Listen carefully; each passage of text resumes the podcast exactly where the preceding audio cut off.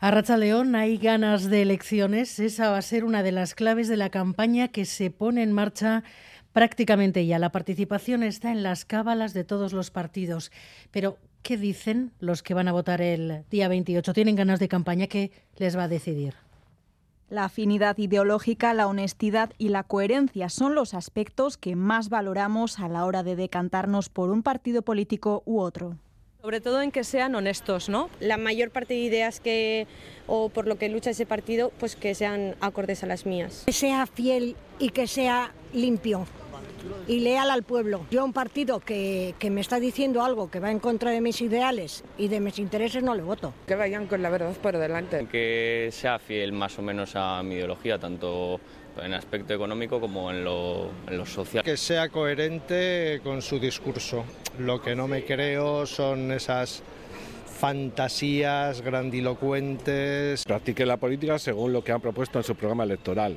También les pedimos que estén más a pie de calle. Haga más caso a lo que necesita el pueblo más que a lo que queda bien en la tele eh, prestar. ¿no? Que estuvieran un poco más a pie de calle, porque con esos salarios, esos privilegios te hacen estar muy lejos de la sociedad. Con lo cual yo les pediría un poquito más de cercanía y un poquito más de empatía. Que tenga los pies en la tierra, que piense en toda la ciudadanía. Se preocupe de la economía, pero también que se preocupe de las necesidades que tenemos todas las personas. Y por supuesto nos fijamos y mucho en la gestión realizada durante las legislaturas pasadas. Yo siempre miro cómo se han portado en este tiempo. El que veo que hace por el pueblo, vuelvo a votarle otra vez. Respecto a los intereses, ahí ya varía la cosa y cada uno mira por lo suyo se acuerden un poquito de, de, los jubilados, que no se acuerdan de gente mayor que está en unas condiciones malísimas. Tampoco se centre mucho igual en los mayores porque los jóvenes al final nosotros también en un futuro tenemos que tener nuestras pensiones. Y parece que el único votante que interesa es la persona mayor. Derecho de vivienda, de derecho a un sueldo digno, de pensiones dignas. Por el derecho, por una igualdad. Parece ser que tengamos o no el voto decidido, seguiremos la campaña con interés. Normalmente tengo el voto decidido, pero me gusta seguir la campaña. Sí, me miro bastante lo que opinan, lo que dicen. Sigo bastante a lo que es la política porque me parece que es muy importante para poder hacer un voto real y válido. La seguiré pero tampoco me la voy a creer demasiado. Hasta el último momento no me suelo decidir. Tengo mi voto más o menos decidido, pero sí es cierto que luego la campaña pues sí que me suele, digamos, influir. No al 100%, pero suelo seguir.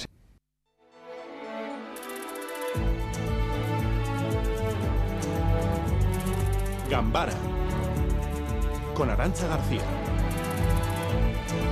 Y Manuel Manterola, Racha León. A Racha León, Arancha. Y Manuel Manterola es nuestro coordinador de campaña y como ya viene siendo norma, arranque adelantado a la tarde del jueves. Lo de la pegada de carteles a medianoche pasó a la historia. De hecho, Imanol, ya hay actos ahora mismo. Sí, actos en marcha a esta hora en Vitoria de la mano del PS y del Carrequín, que curiosamente arrancan campaña prácticamente en el mismo emplazamiento en el Palacio Europa. Estos ya en marcha en media hora hará lo propio el Partido Popular en Donostia y los últimos en arrancar serán a las ocho y media EH Bildu en Iruña, a las nueve el PNV en Vitoria-Gasteiz, así que ya ves que tres de cinco actos, Arancha, hoy se celebran en Gasteiz. Y con tres coordenadas para estos 15 días que tenemos por delante, la participación, ese va a ser uno, y otro, el eje entre el Ayuntamiento de Gasteiz y Guipúzcoa, que parecen van a ser los escenarios más abiertos y por los que se van a pelear la mayoría de las formaciones estos días. Sí, partimos de una base que es la de un partido, el PNV, que en coalición con el PS encabeza todas las principales instituciones que estarán en juego el 28 de mayo, las tres diputaciones y las tres capitales y es la fórmula sobre la que siguen apostando. Ahora bien, atención a lo que está en juego, triple empate en Vitoria-Gasteiz. ¿Habrá desempate durante la campaña o no? En Guipúzcoa, EH Bildu conseguirá su objetivo de superar al PNV y eso podría alterar o no el juego de acuerdos postelectorales. Durango, Galdacao, mantendrán pactos de izquierda, el PSE sus feudos que pasará en la margen izquierda y el PP ha tocado no suelo electoral, pero sobre todo no tanto una pregunta sino un temor, la abstención. Bueno, pues todo eso empezará a decidirse, empezará a aclarar a partir de esta medianoche. Mañana, viernes, comienza oficialmente la campaña electoral para las elecciones del 28 de este mes. Navarra parece que lo que va a certificar será la consolidación de la mayoría alternativa a UPN, que no parece que vaya a poder salvar la división de las derechas y el traspaso de candidatos hacia el PP.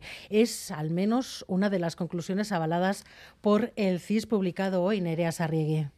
Sí, que dibuja un reparto parecido al actual en Navarra. UPN sería primera fuerza, pero PSN, Geroa y EH Bildu y Contigo Navarra volverían a sumar mayoría. Pocos cambios también en Bilbao. El CIS estima una victoria holgada del PNV, sube EH Bildu por delante del PSE. Y en el global, el ganador de estas elecciones sería el PSOE, con más de cinco puntos de ventaja, o sea, con más de cuatro puntos de ventaja, perdón, ante el PP. Los socialistas revalidarían sus feudos, aguantando en la plaza más disputada, la Comunidad Valenciana, aunque los populares podrían aumentar su poder a expensas de Vox en Cantabria o en Aragón. En Madrid roza la mayoría absoluta Isabel Díaz Ayuso.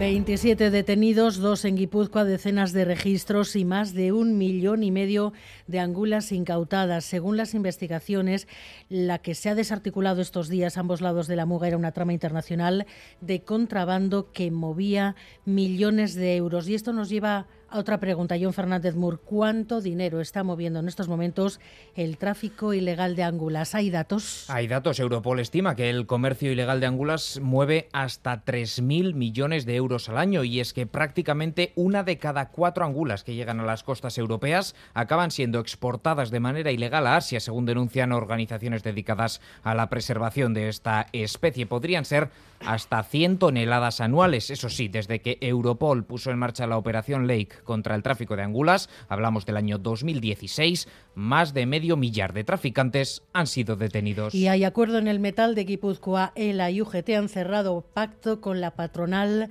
Adegui Rodrigo Manero. Sí, ELA y han aceptado la última propuesta de la patronal ADEGI, que incluye subidas salariales para los 30.000 trabajadores del metal de Guipúzcoa hasta 2026, un 5% este año, IPC más 0,7 el que viene e IPC los dos siguientes. Subidas sobre las tablas mínimas. En las empresas donde los sueldos sean superiores se asegura un 85% del incremento. Los firmantes dicen que es todo un logro que supera los convenios de Vizcaya y Álava, pero LAB y comisiones obreras lo ven insuficiente. Entre tanto, el comité de huelga de Bectalia Chorierri, concesionario de Vizcaibus, que cubre la zona de Chorierri, Aeropuerto, Munguialdea y el Parque Tecnológico de Zamudio, acaba de decidir en asamblea desconvocar la huelga convocada para mañana viernes, tras lograr avances para un nuevo convenio. Tras meses de conflicto, era la única empresa que presta ese servicio de Vizcaibus donde se mantenían las movilizaciones. Además, en carreteras, dos puntos con problemas a esta hora. En la A8 Baracaldo, sentido Donostia, por una colisión entre un autobús y un coche. No hay heridos, pero sí que hay retenciones en estos momentos de unos dos kilómetros. Y también problemas en la N634 en Zumaya, sentido Donostia. Hay un autobús averiado que está obstaculizando parcialmente uno de los carriles. Y los deportes, acercaré a. A León en baloncesto, en marcha la jornada número 32 de la Liga ACB. Desde las seis y media se enfrentan en Badalona Juventud y ¿Cómo marcha el partido? Raúl Pando, cuéntanos a Rachaldeón. A Rachaldeón, Asier, desde el principio por detrás del marcador, tiene problemas eh, con el eh, juego interior el equipo de Gasistarra, 7 puntos y Edraitis. Estamos a 3.49 para la conclusión del segundo cuarto en el Olympic de Badalona. Ajusta ahora con canasta de Cochar el Basconia, el marcador 36 Juventud, 35 Basconia. Gracias, Raúl. Además, esta tarde se ha presentado en el Sadar la película Unzue, el último equipo de Juancar, un proyecto con el que el ex guardameta de Osasuna pretende visibilizar la enfermedad de la ELA contra la que lleva luchando los últimos años, así como recaudar fondos para su investigación. Y en ciclismo, el danés Pedersen del Trek Segafredo se ha impuesto al sprint en la sexta etapa del Giro de Italia con el Vesubio de testigo. En la Vuelta a Hungría ha ganado el neerlandés Jacobsen, que es el nuevo líder de la carrera.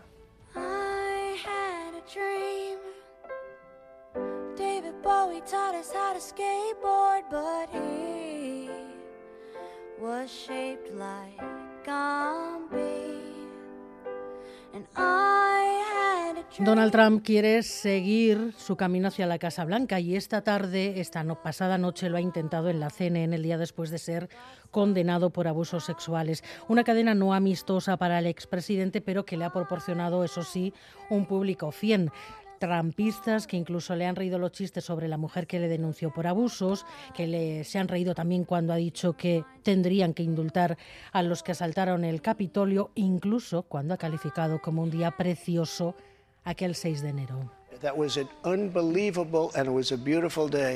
Luego ha seguido diciendo que las elecciones de 2020 fueron un fraude y que también es un fraude la justicia en su país. Que no puedes tener un juicio justo ni en Washington ni en Nueva York, lo dice un presidente, un expresidente que quiere volver a serlo, y ante una audiencia entregada, ya les digo, Trump incluso ha acabado insultando a la presentadora a la que le estaba haciendo las preguntas.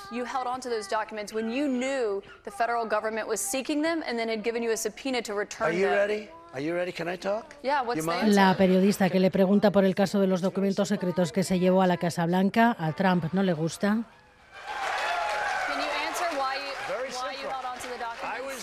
Y que dice que le deje hablar, que es una persona desagradable, le dice a la presentadora y la gente ya lo han escuchado, riéndole las gracias.